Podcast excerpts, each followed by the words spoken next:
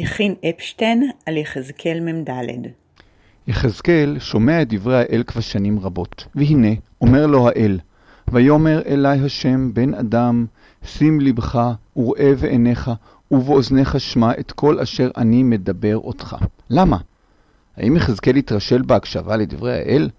המדרש מנתח את יחסו של יחזקאל ומציב גם לנו הוראה לא פשוטה. וכך במדרש תנאים לדברים ל"ב מ"ו, ויאמר אליהם, שימו לבבכם לכל הדברים.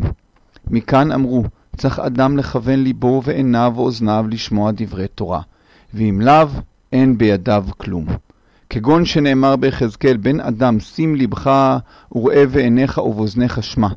מה בית המקדש שנראה בעיניים ונמדד ביד, צריך שיהיו ליבו ועיניו ואוזניו מכוונים.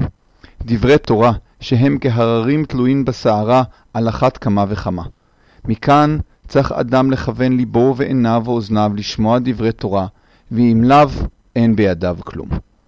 המדרש מביע תהייה שהייתה יכולה להישמע על ידי יחזקאל. הרי אני רואה את הכל ומודד עם חבל למידה של האיש המלווה, אז מדוע צריך גם הלב והאוזניים להיות בשיא יכולתם?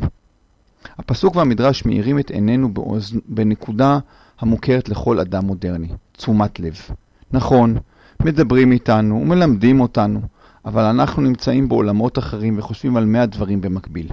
אז זהו, זה המסר.